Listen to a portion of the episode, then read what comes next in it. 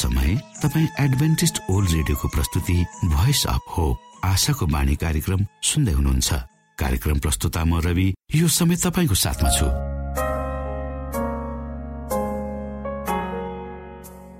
आशाको बाणी कार्यक्रम सुन्नको निमित्त पर्खेर बस्नुहुने समस्त प्यारा श्रोता वर्गमा हामी न्यानो अभिवादन व्यक्त गर्दछौ।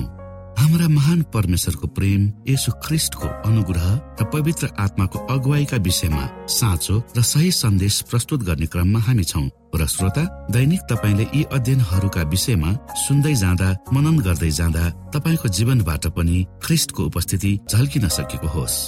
क्रिससँगको संगतिमा तपाईँले आदित्य आशिषको अनुभूति गर्न सक्नु भएको होस् भन्ने शुभेच्छा सहित हामी हाम्रो कार्यक्रमलाई अगाडि बढाउने अनुमति चाहन्छौ। सधैँ सुरुमा हामी यो मधुर क्रिस्टीय वचन सुन्नेछौँ।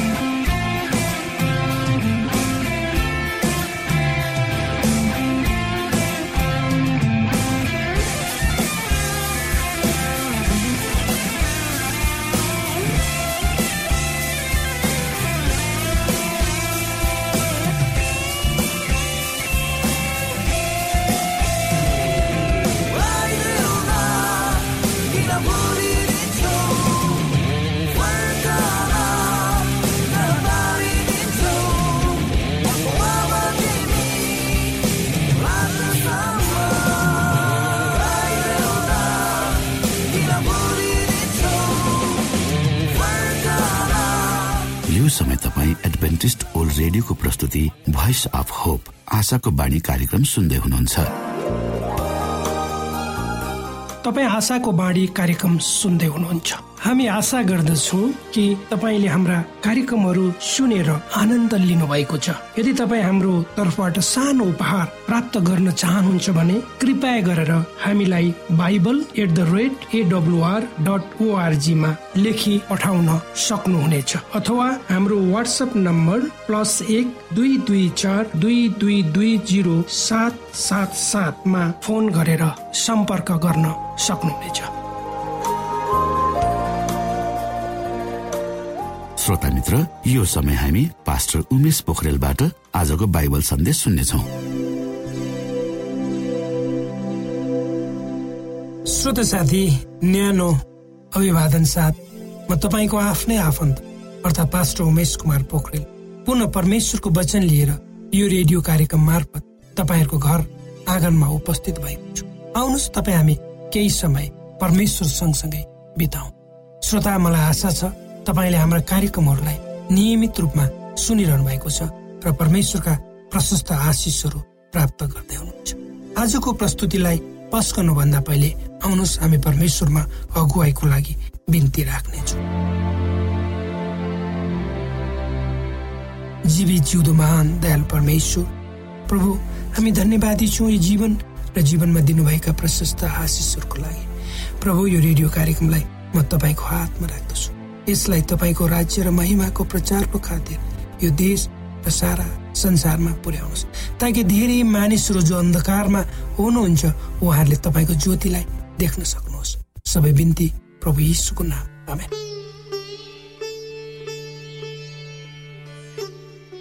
श्रोत साथी म मेरो कोठामा एक्लै पत्रिका पढेर बसिरहेको थिएँ।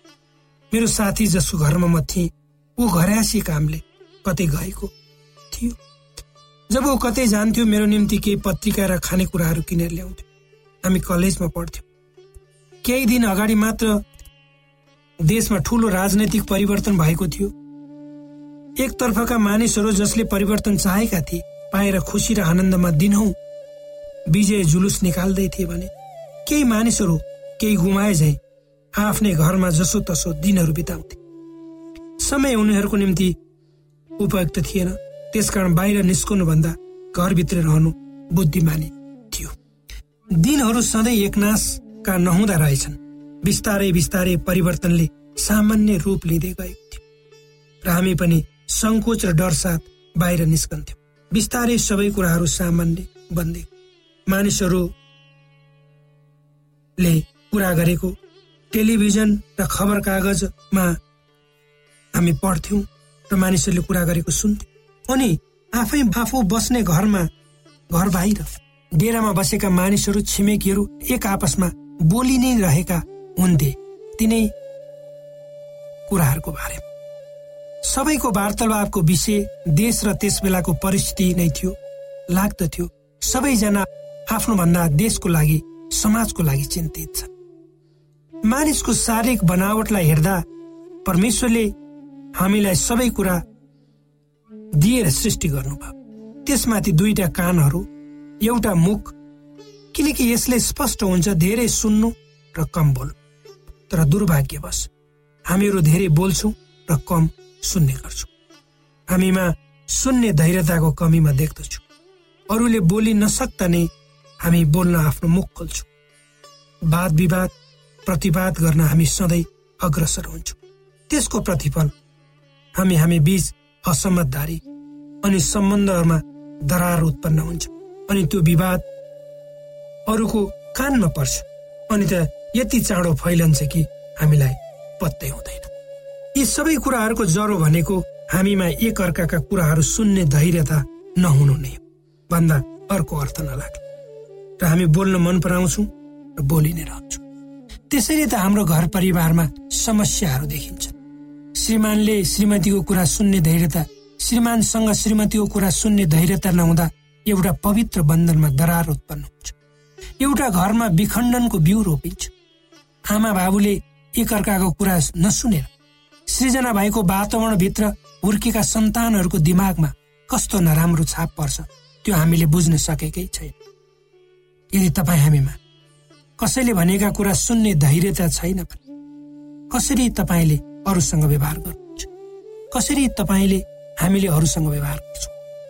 श्रोत साथी कसैसँगको सम्बन्धलाई ठिकठाक राख्नको निम्ति वार्तालाप वा संवाद एक आवश्यक कुरो यो प्रक्रियामा दुई पक्ष हुनुपर्छ। एउटा कुरा गर्ने भने अर्को कुरा सुन राम्रो वार्तालापको निम्ति दुवै पक्ष उत्तिकै जिम्मेवार हुनुपर्छ। कतिपय मानिसहरू एकैचोटि एकजनासँग एकजनाको कुरा सुन्ने र अर्कोसँग बोल्ने गरेको पनि हामीले देखेका छौँ। तर त्यो ठिक सही होइन। यो एकपटक एकजनासँग मात्रै हुनुपर्छ। किनकि यो एउटा नियम पनि हो। हाम्रो दिमाग एकैपटक कुरा गर्ने र सुन्ने किसिमले बनाइएको छैन। यही कुरा परमेश्वरसँग पनि लागु हुन्छ। धेरै समय हामी आफ्ना मात्र कुराहरू गरिरहन्छौँ र परमेश्वरलाई हाम्रा कुराहरू सुन्नको निम्ति मात्र छोडिदिन्छौँ। परमेश्वर के भन्नुहुन्छ त्यो कुरो हामी सुन्न चाहँदैन। जब परमेश्वरले तपाईँ र मसँग उहाँको मन्द स्वरले हामीसँग बोल्नुहुन्छ त्यति बेला हामीले उहाँका आवाजहरूलाई सुन्नुपर्छ। परमेश्वरले कहिले पनि हामीसँग चिच्याएर ठुलो आकाश गर्जेको आवाजमा वा हल्ला खल्लाको बीचमा जबरजस्ती हामीलाई उहाँको कुरा सुन्न बाध्य गराउनुहुन्न। उहाँले हामीसँग शान्तमा कुरा गर्नुहुन्छ। परमेश्वरले बडो नम्रता साथ उहाँको सृष्टि मार्फत उहाँको वचन मार्फत हाम्रो चेतना र अनुभवद्वारा हामीसँग बोल्नुहुन्छ। यदि तपाईँ र मैले उहाँका सल्लाहहरू सुन्न आफ्ना कानहरू बन्द गरेनौँ भने धैर्यता साथ आफ्ना कानहरू खोल्यौँ भने उहाँ हामीसँग बोल्नुहुन्छ। र उहाँका महिमित भरोसायुक्त वचनहरूद्वारा हाम्रो हृदय उहाँले भर्नुहुन्छ। हामीले परमेश्वरलाई भन्नुपर्छ प्रभु मलाई आफ्नो मुख बसमा राख्न मद्दत गर्नुहोस्। र मेरो दिमागलाई धैर्यता दिनुहोस् ताकि म तपाईँको मन्द स्वर सुन्न सकु। पवित्र धर्मशास्त्र बाइबलको पहिलो राजा उन्नाइस अध्यायको बाह्र पदमा परमेश्वर एलिया कहाँ देखा पर्नु भयो र यसो भन्नुभयो भनेर लेखिएको छ। हे एलिया पवित्र धर्मशास्त्र बाइबलको पहिलो राजाको उन्नाइस अध्यायमा परमेश्वर एलिया कहाँ देखा पर्नुभयो? र यसो भन्नुभयो भनेर भनिएको छ। परमेश्वर भन्नुहुन्छ हे एलिया त यहाँ के गर्दैछस्? तिनले भने सर्वशक्तिमान परमप्रभु परमेश्वरको निम्ति म साह्रै जोसिलो भएको छु। इसरायलीहरूले तपाईँको करार त्यागेका छन् तपाईँका वेदीहरू भत्काइदिएका छन् र तपाईँका अगम भक्तहरूलाई तरबारले मारेका छन्। केवल म मात्रै बाँकी रहेको छु। र अब तिनीहरू मलाई पनि मार्न खोज्दैछ। तब परमप्रभुले भन्नुभयो पर्वतमा गएर परमप्रभुको उपस्थितिमा खडा हो। किनकि परमप्रभु त्यहाँबाट जान लाग्नु भएको छ।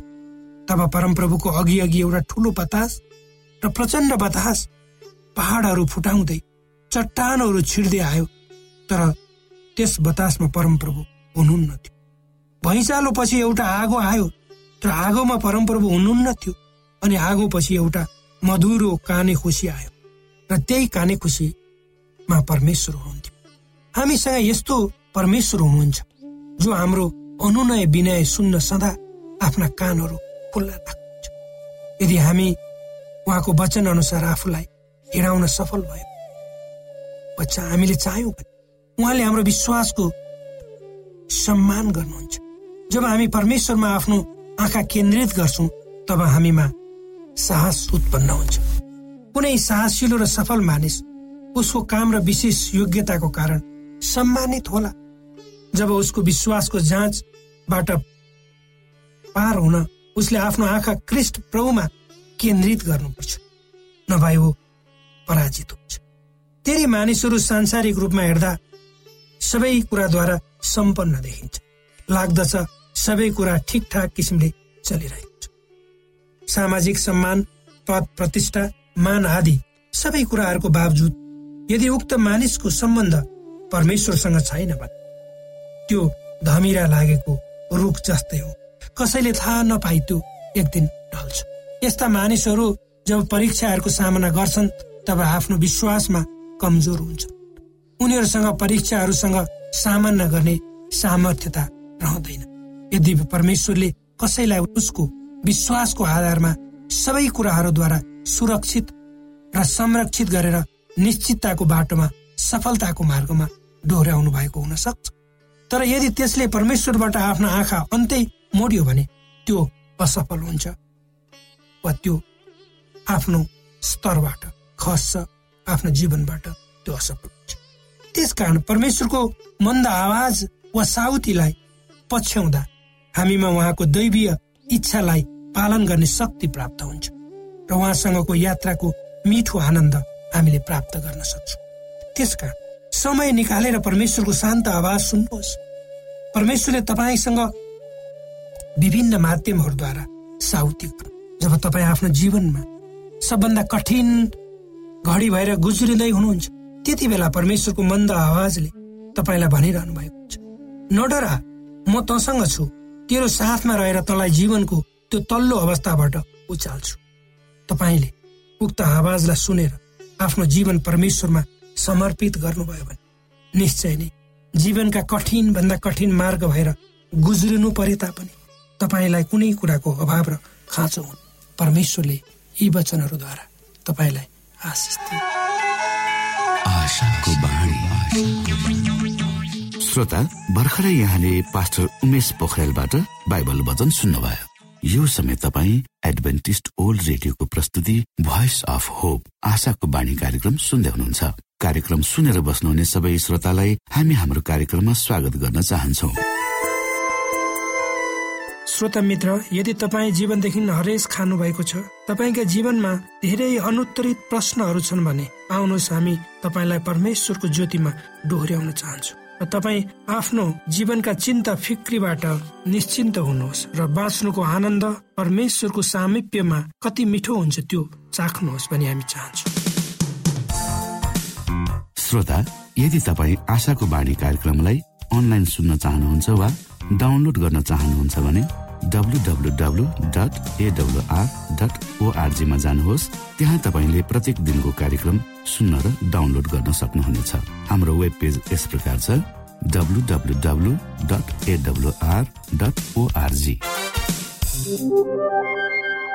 श्रोता यदि तपाईँ हामीसित सिधै फोनमा सम्पर्क गर्न चाहनुहुन्छ भने हाम्रा नम्बरहरू यस प्रकार छन्।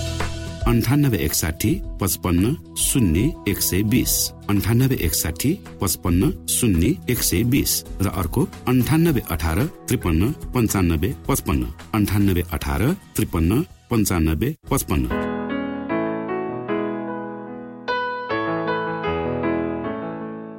यो एडभेन्टेज ओल्ड रेडियो हो। तपाईँ आशाको बाणी कार्यक्रम सुन्दै हुनुहुन्छ। यस सम्बन्धी थप जानकारीको लागि कृपया गरेर हामीलाई सम्पर्क राख्न सक्नु हुनेछ हाम्रो इमेलको ठेगाना bible at the rate AWR dot ORG अर्थात् B I B L E at AWR dot ORG हो।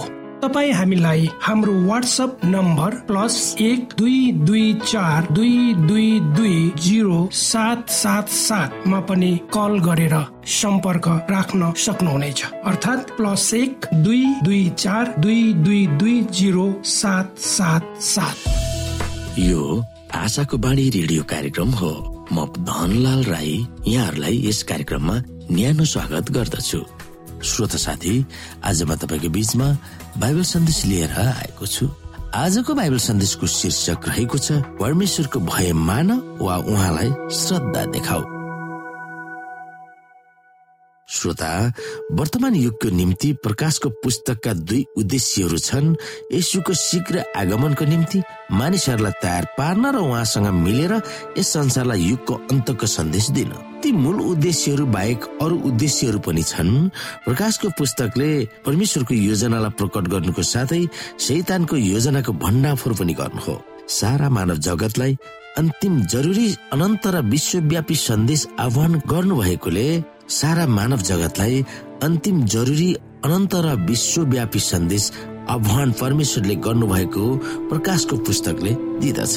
युगको अन्त्यको जरुरी आह्वान युहन्नाले प्रकाश चौध अध्यायको साथमा दिएको हामी हेर्न सक्छौ। हाम्रो निम्ति के निश्चित सन्देश त्यहाँनिर छ? तिनले चर्को स्वरमा भने परमेश्वरसँग डराओ र उहाँलाई महिमा दियो किनकि उहाँका इन्साफको घडी आएको छ। स्वर्ग पृथ्वी समुद्र पानीका मूलहरू बनाउनु हुनेलाई दण्डवोट गर। परमेश्वर प्रति भय मान्नु पर्ने वा उहाँप्रति मात्र अगाध श्रद्धा राख्ने विषयमा हामी विभिन्न पदहरूलाई हेर्न सक्छौ। उनले भने तिम्रो हात त्यस केटामाथि नउठाउ र त्यसलाई केही नगर्नु। अब मैले थाहा पाए तिमी परमेश्वरसँग डराउँदो रहेछौ किनकि तिम्रो छोरो तिम्रो एकमात्र छोरालाई पनि मबाट तिमीले रोकेर राखिनौ भनेर उत्पत्ति बाइस अध्यायको बाह्र पदमा परमेश्वरले अब्राहमसँग बोलेको कुरा हामी हेर्न सक्छौ। पवित्र जनहरूको सभामा परमेश्वरको भय साह्रै मानिएको छ। उहाँको वरिपरि हुनेहरू मध्ये उहाँ धेरै विस्मयकर हुनुहुन्छ। हामी यहाँनिर भजन संग्रहको पुस्तक उनानब्बे अध्यायको साथलाई हेर्छौ। तिमीले परमप्रभुको भय बुझ्नेछौ र परमेश्वरको ज्ञान प्राप्त गर्नेछौ। यसै गरी हितोपदेशको पुस्तक पनि हेर्छौ हामी। त्यो अध्यायको पाँचमा। अब सबै कुरा सुनिएका छन्। कुराको निष्कर्ष यही हो। परमेश्वरको भय राख र उहाँका आज्ञाहरू पालन गर।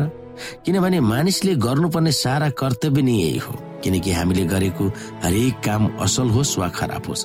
प्रत्येक गुप्त कुरा समेत उहाँको सबैको न्याय परमेश्वरले गर्नुहुनेछ र ख्रिसको श्रद्धामा एक अर्काको अधीनमा बस भनेर पनि हामीलाई एपिसीको पुस्तकबाट भनिएको छ।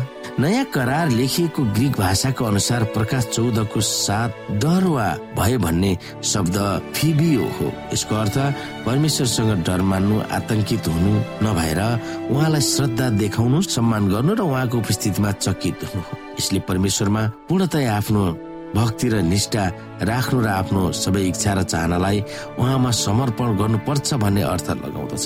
यो मनोवृत्ति स्थिति हो जसको केन्द्रबिन्दु परमेश्वर हुन्छ तर स्वार्थमा केन्द्रित हुँदैन। मानसिक आदत नै परमेश्वरमा केन्द्रित हुन्छ। यो लुसिफरले आफ्नो हृदयमा आफ्नो भाउ खोज्ने मनोवृत्तिलाई एसिया चौध अध्यायको तेह्र र चौधमा खुलासा गरिएको छ। तैले आफ्नो हृदयमा भनिस् म स्वर्गमा उक्लनेछु। परमेश्वरका ताराहरू भन्दा माथि म मेरो सिंहासनलाई उच्च पार्नेछु। पवित्र पर्वतको सबैभन्दा उच्च टाकुरामा सभासदको पर्वतमा म विराजमान हुनेछु। म बादलको टुप्पा भन्दा माथि उक्लनेछु। म आफूलाई सर्वोच्च परमेश्वर जत्तिकै बनाउने छु भनेर यसै या चौध अध्यायमा भनेको कुरा हामी हेर्न सक्छौ। परमेश्वर प्रति श्रद्धा राख्नेको दिमाग मिजास वा मनस्थिति यसुको जस्तै हुन्छ। परमेश्वरको स्वरूपमा भएर पनि उहाँले परमेश्वरको बराबरी हुने कुरालाई एउटा पक्रिराख्ने वस्तु जस्तो ठान्नु भएन। र आफैलाई इत्याइकन कमाराको रूप धारण गरेर तथा मनुष्य भएर जन्मनु भयो। स्वरूपमा मानिस जस्तै भएर आफूलाई होच्याउनु भयो र मृत्यु समय अर्थात् क्रुसको मृत्यु समय आज्ञाकारी हुनुभयो भनेर फिलिपी दुई अध्यायको छदेखि आठमा हामी हेर्न सक्छौँ। महान द्वन्द्वको मूल तत्व नै परमेश्वरलाई समर्पण गर्नु या नगर्नुमा घुमिरहन्छ लुसिफर स्वकेन्द्रित थियो। आफू बाहेक अरू कुनैको अधिकार मुनि रहन उसले अस्वीकार गरेको थियो। सिंहासनमा हुने परमेश्वरको प्रभुत्वमा बस्नुको सट्टा त्यही सिंहासनलाई आफ्नो प्रभुत्वमा उसले राख्न चाहेको थियो। स्पष्ट रूपमा भनियो भने परमेश्वरको भय मान्नु वा उहाँमाथि अघात श्रद्धा राख्नुको अर्थ हाम्रो सबै सोच विचारमा उहाँलाई पहिलो स्थान दिनु हो। म नै मेरो जीवनको राजा हुँ भन्ने स्वकेन्द्रित भावना र अहमलाई त्यागेर सम्पूर्ण जीवन परमेश्वरमा समर्पण गर्नु र उहाँको निम्ति जीवन हो यो भावना अत्यन्तै महत्वपूर्ण हुनुपर्छ। किनकि तीन स्वर्गदूतहरूका सन्देशहरूमा पहिलो स्वर्गदूतका पहिलो वाक्य नै परमेश्वरको भय मान हो। त्यसकारण यसमा हामीले ध्यान दिनु अति नै जरुरी छ। अन्तिम श्रोता परमेश्वर प्रति भय मान्नु वा उहाँमाथि मात्र अगाध श्रद्धा राख्ने मामिलामा हाम्रो अनुभव के हुन सक्छ? भय मान्नु भनेको सकारात्मक हो भन्ने कुरालाई अरूहरूलाई हामी कसरी सम्झाउन सक्छौ त्यो विषयमा हामी सोच्न सक्दछौ।